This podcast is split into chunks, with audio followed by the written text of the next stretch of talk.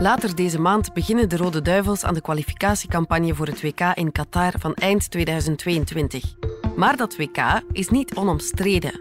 In Nederland gaan al langer stemmen op voor een boycott. En nu de Britse krant The Guardian onthulde dat bij de bouw van de stadions en andere WK-infrastructuur 6500 doden zijn gevallen, krijgt die oproep steeds meer gehoor. Heeft een boycott zin? En zal ook in ons land het protest tegen Qatar 2022 toenemen? Het is dinsdag 9 maart. Ik ben Lise Bonduel en dit is de podcast van de Standaard.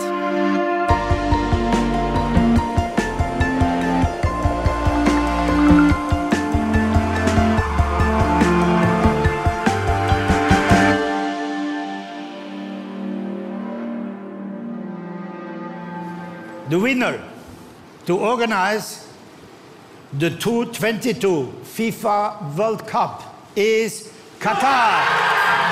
We hoorden Sepp Blatter, de toenmalige voorzitter van de Wereldvoetbalbond FIFA, die in 2010 al aankondigde dat Qatar komend jaar het WK mag organiseren.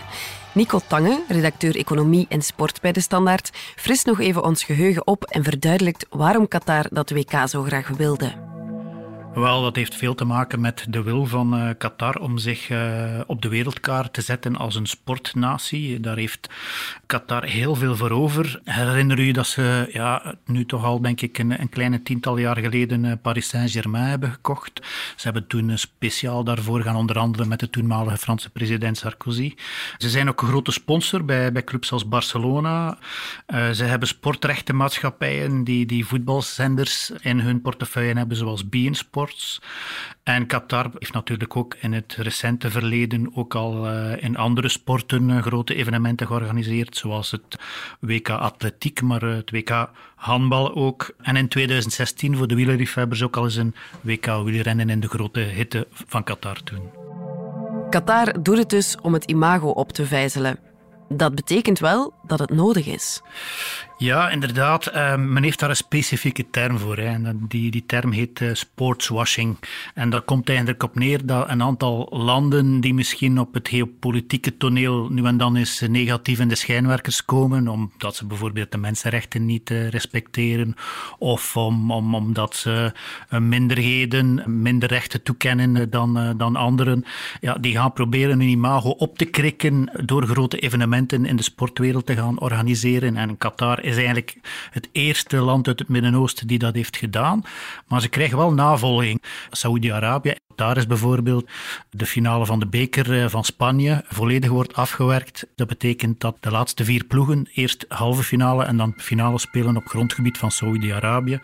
En ja, die landen pakken daar graag mee uit, omdat ze denken dat het feit dat er dan minder koosjere dingen gebeuren in die landen, dat dat wat toegedekt wordt onder ja, de mooie blinkende façade van een mooi groot sportevenement. Nu, Qatar wilde het WK zo graag dat het ook bereid bleek om daarvoor heel veel geld te betalen. En niet alleen op een legale manier. Ja, het, was duidelijk sprake van corruptie. Hè. Er zijn steekpenningen uitgedeeld aan een hele aantal stemgerechtigde leden van de FIFA. Vijftien van die uh, 22 stemgerechtigde leden zijn ondertussen al veroordeeld wegens corruptie. Maar ook de top van de FIFA is in de problemen gekomen. Ja, Blatter is moeten aftreden, uh, Platini uh, hetzelfde. En dat onderzoek uh, bijvoorbeeld van de FBI, die, dat, dat, toonde ook aan dat die, dat die steekpenningen dan werden uitbetaald via allerlei fiscale constructies in uh, belastingparadijzen. Ja, er, er, is van alles boven tafel gekomen, waardoor dat we eigenlijk weten dat nog Rusland, nog Qatar eigenlijk op een legale manier verkozen zijn als ja, organisatielanden voor een, voor een WK. Naast de corruptie blijkt ook dat de arbeidsomstandigheden in Qatar allesbehalve zijn. The Guardian maakte onlangs bekend dat er bij de bouw van stadions en andere infrastructuur 6500 doden zijn gevallen. Het gaat om migranten die in Qatar op de grote werven worden ingezet. Wat je ziet in Qatar is dat daar een heel groot aantal arbeidsmigranten in zeer slechte omstandigheden uh, moet werken. Hè. En je kan, hoe zou ik het omschrijven? Uh, het heeft eigenlijk een naam, het heet het kafala-systeem. het komt er eigenlijk op neer dat zo'n 2 miljoen migranten, vooral uit landen als Nepal, India, Ghana, de Filipijnen en Bangladesh, dat als die eigenlijk naar Qatar trekken, dat ze eigenlijk bijna eigendom worden van hun werkgever. Het wordt omschreven als een soort slavernijsysteem en je kan dat eigenlijk vooral zien aan het feit dat ze bijvoorbeeld als ze in dienst worden genomen, dat ze hun identiteitskaart moeten gaan afgeven en dat ze dan ook in, in ja, zeer slechte omstandigheden moeten wonen en werken op de plaats waar ze vaak grote gebouwen moeten gaan oprichten. Eh, dat zijn niet alleen de stadions die nieuw worden gebouwd voor het WK, maar vaak zijn dat natuurlijk grote hotels en andere skyscrapers eh, die door die uh, arbeidsmigranten worden gebouwd. En, en vaak in heel slechte omstandigheden met doden tot gevolg.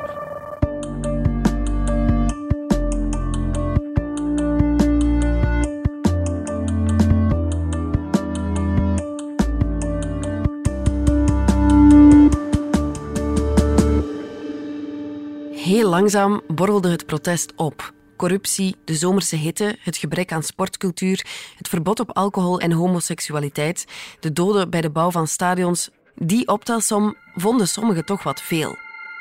Willem Vissers, voetbaljournalist en volger van het Nederlands elftal voor de Volkskrant, schreef in 2014 een boze column. Ik ga niet naar Qatar, kondigde hij aan.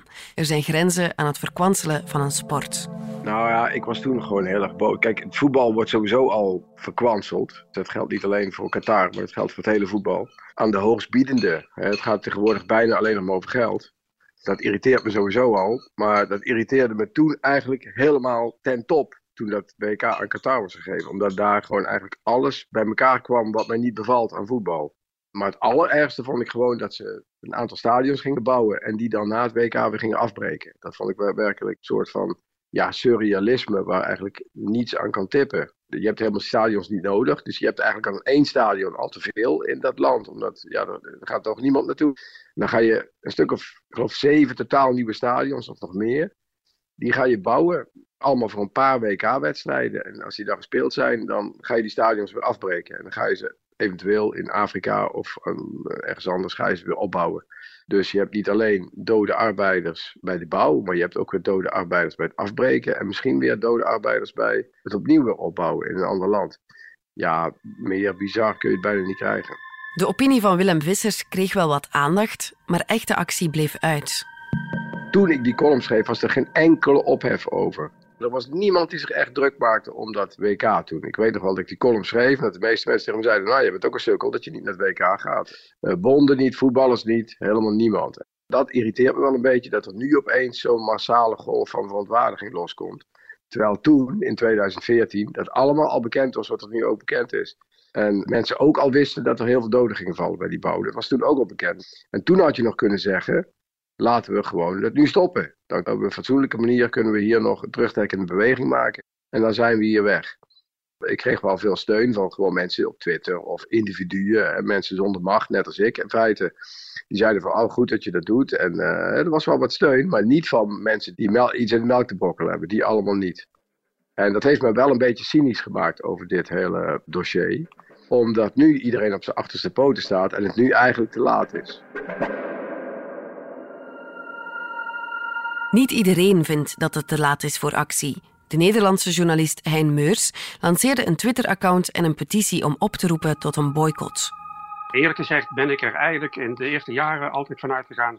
Nou, dit kan en mag nooit doorgaan. Dit is zo uh, uitzonderlijk slecht. Hier hoef ik niks aan te doen. Maar gaandeweg bleek steeds meer dat het toch niet echt eh, in de picture bleef en dat het er steeds meer naar uitzag dat, uh, dat het toch door zou gaan. En dan ben ik een jaar of twee geleden heb ik het eh, Twitter-account Cancel Qatar 2022 in leven geroepen. En nou, binnen de kortste keren had ik redelijk wat volgers, maar dat bleef toch allemaal steken. Het is niet zo dat wij spelers en kijkers ook niet het WK willen onthouden.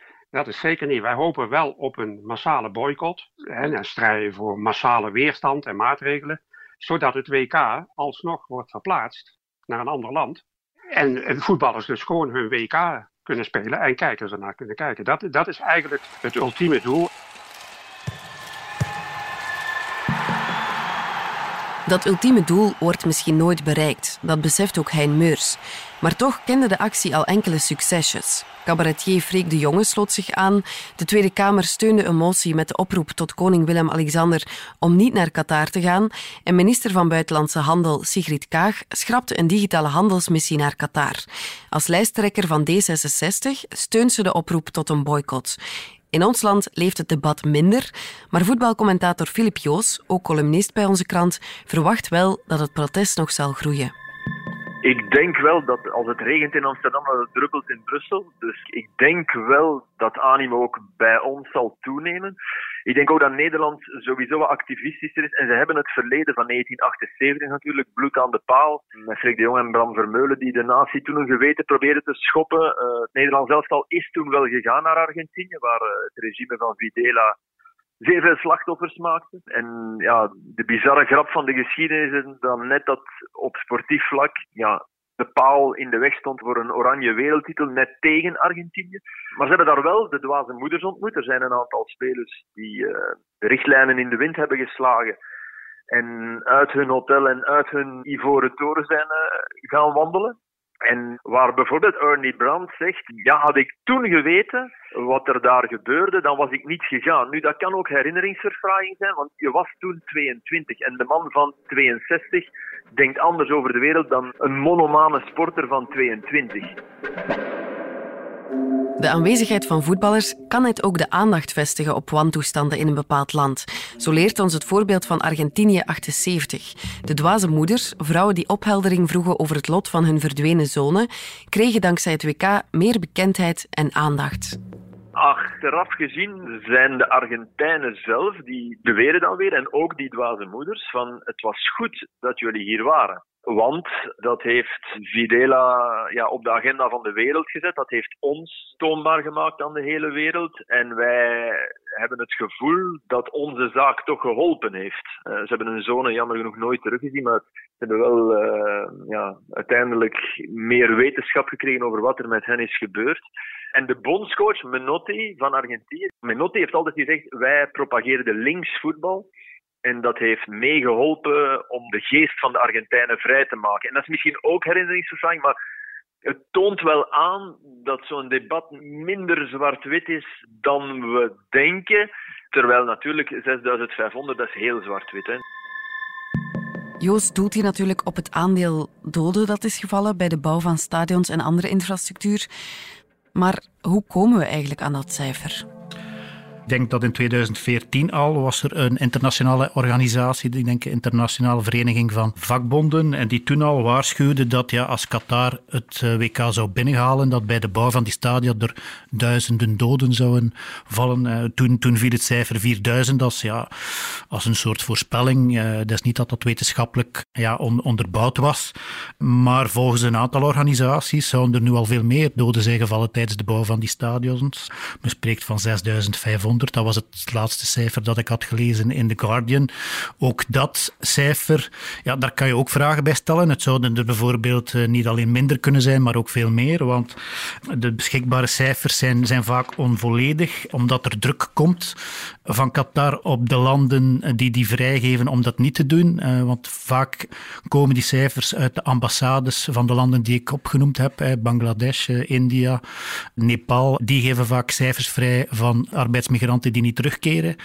Maar ja, Qatar is daar natuurlijk niet blij mee en die zet dan politiek druk op, op, op die buurlanden. En dreigt er dan bijvoorbeeld mee om, om het geld dat uh, die arbeidsmigranten naar hun families opsturen, om dat, om, dat, om dat tegen te houden. Dus dat is, een, dat is een handelspolitiek spel dat daar gespeeld wordt, waardoor dat we eigenlijk niet weten hoeveel doden er eigenlijk zijn gevallen bij de bouw eh, van die stadia en, en ook van andere grote kantoorgebouwen in Qatar.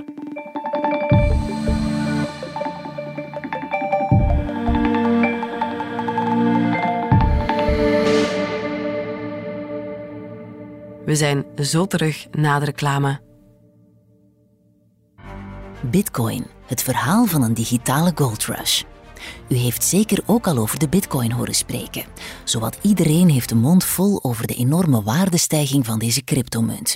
In die mate zelfs dat meer dan 5 miljoen Europeanen in 2021 graag in cryptomunten willen beleggen. Wil u meer weten over deze digitale gold rush?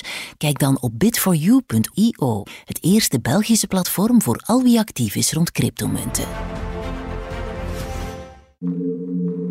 Net als Filip Joos denkt Willem Vissers dat een boycott niet het probleem van Qatar oplost en dat het niet erg fair is om nu de bal in het kamp van de voetballers te leggen. Als de spelers van het Nederlands elftal zouden zeggen: wij gaan het WK boycotten, we gaan niet, dan zouden ze voor mij echt een hele grote duim omhoog krijgen. Daar zou ik echt ongelooflijk veel respect voor hebben. Maar het gaat niet gebeuren. Het gaat niet gebeuren. De spelers zeggen A, van ja, het is mijn geld. En B, ik speel misschien één WK. Virgil van Dijk die heeft nog nooit een WK gespeeld. Die is 29 denk ik straks. En die kan één keer in zijn leven een WK spelen. Eén keer. En dat is toevallig in Qatar. Maar dat het in Qatar is, daar kan hij niks aan doen. Dat is niet door hem daar neergezet. Het zou wel jammer zijn als ze niks doen. Ik zou bijvoorbeeld mooi vinden als die spelers zouden zeggen van, nou ja goed, wij zien van onze premies af en dat gaat in een fonds voor de slachtoffers. Zo'n acties. Ik bedoel, maar ja, dan ga ik ook weer een claim op die spelers leggen, terwijl ik vind dat dat uit die spelers zelf moet komen. Ik vind niet dat ik moet gaan zeggen wat zij eventueel zouden kunnen doen. Maar het zou heel raar zijn als de KNVB of de KBVB of welke bond dan ook helemaal niets deden. Dat zou wel een beetje vreemd zijn. Volgens Filip Joos denken bonden en spelers nu wel na over mogelijke vormen van protest. Denk ook wel dat ze daarmee bezig zijn. Toch gaan moeten ervoor zorgen dat je met een statement komt. En als alle ploegen, als alle landen die van plan zijn, en ik zeg maar iets, om 6500 op hun truitje te kleven. En om dan ook bij de flash-interviews af te spreken van kijk, de eerste die praat, vermeldt dat. Zegt van kijk, we zijn hier, want dit is onze sport, maar wij vinden dat niet kunnen. Als dat bij elk flash-interview gebeurt. En je stuurt je aanvoerder of een van je beste spelers. Hè. Je stuurt Messi en niet Taliafico. Hè. Gaat de FIFA zeggen Messi uit het toernooi? Maar never, never. En gaan die van Qatar dan zeggen we stoppen ermee? Oké, maar dan win je. Het zal naïef zijn hè, wat ik zeg, hè, maar er zijn wel mogelijkheden om kenbaar te maken dat je die mensen niet vergeet. Maar Hein Meurs staat sceptisch tegenover dit soort acties. Ik ben heel erg bang als het toch doorgaat, ondanks de acties die men zegt te kunnen voeren en de vinger aan de pols te kunnen houden daar ter plekke. En ik denk dat het allemaal toch redelijk gratuit is. En dat het voornaamste effect zal zijn dat het Qatar-regime en de FIFA het zullen misbruiken, dat maar noemen, als propaganda, als bevestiging dat ze op de goede weg zijn en dat heel de wereld daar is. Ik denk dat het meer een propaganda voor hun zal zijn en dat die acties met een regenboog of een statement of wat dan ook, want daar is volgens mij bijna geen uh, ruimte voor. Kijk maar naar uh, die beelden van die scheidsrechter bij het uh, WK voor clubs, die vrouwelijke scheidsrechter die genegeerd werd door de sheik. Dus ja, misschien zullen ze het oogluikend toestaan voor het oog van de wereld dan, voor de bühne. Maar uh, ik denk dat een massale boycott en verplaatsing, liefst, hè, dat dat het hardste aan zal tikken. Onder druk van allerlei organisaties, zoals Amnesty International en internationale vakbonden, zijn de arbeidsomstandigheden in Qatar nogthans al licht verbeterd, verduidelijkt Nico Tange sinds de toewijzing van, uh, van het WK aan Qatar, dat natuurlijk de schijnwerpers op, op dat land uh, gericht zijn, waardoor dat er toch ook wel wat druk is van de internationale gemeenschap om dat systeem aan te passen. Officieel is het kafala-systeem nu illegaal. Maar het is nog maar de vraag natuurlijk in hoeverre dat die nieuwe strengere regels ook toegepast worden en in hoeverre dat daar controle is.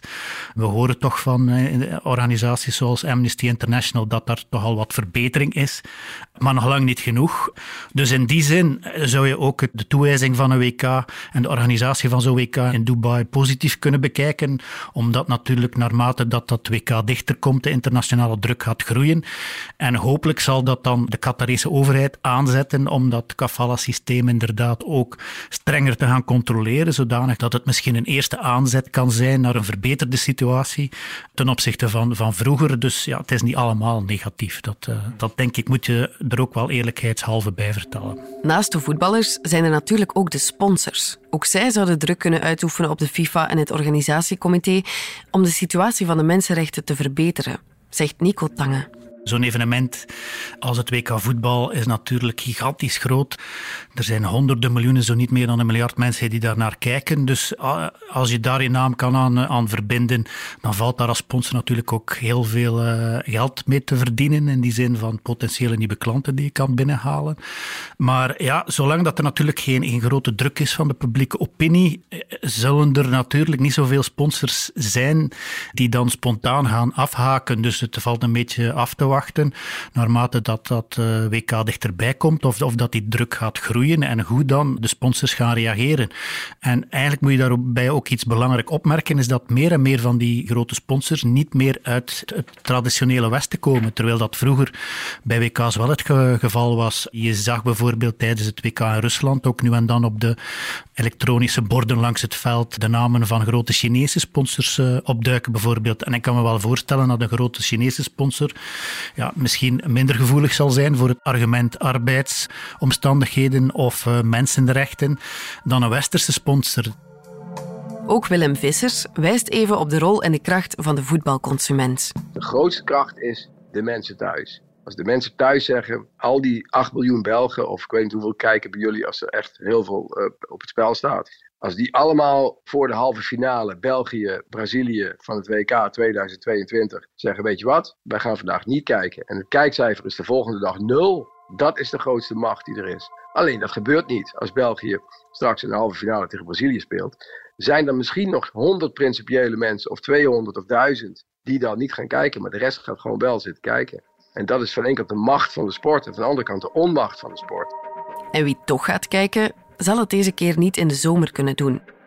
Door de grote uitzonderlijke hitte in Qatar met temperaturen die kunnen oplopen tot 50 graden, is een WK in de zomer niet mogelijk. Daar was heel wat discussie over natuurlijk. Het is voor het eerst in de geschiedenis dat het eh, WK zal georganiseerd worden in de maanden november tot 18 eh, december. Dat betekent dat in Europa, wat toch ja, nog altijd, zou ik zeggen, de bakermat is eh, van het voetbal, en zeker van het clubvoetbal, ja, dat alle competities in Europa gaan moeten stopgezet worden tijdelijk. De spelers gaan moeten vrijgegeven worden voor de nationale elftallen. En men gaat dan moeten een soort gigantische inhaalronde organiseren na dat WK. Dat eigenlijk ongezien. Daar is nog het meeste protest tegen geweest. Maar bon, uiteindelijk heeft ook FIFA beslist om, om omwille van de klimatologische omstandigheden, om dan toch het WK in de winter te gaan organiseren. Uh, wat ja, heel, heel bizar zal zijn voor de supporters. Want uh, laten we hopen dat de Rode Duivels ver geraken. Maar als ze ver geraken en ze spelen halve finale en finale, dan gaan we supporteren niet op een groot plein in de zon, maar uh, naast onze kerstboom. Dit was de podcast van De Standaard. Bedankt voor het luisteren. Wil je reageren? Dat kan via podcast.standaard.be. Alle credits vind je op standaard.be-podcast. Morgen zijn we er opnieuw.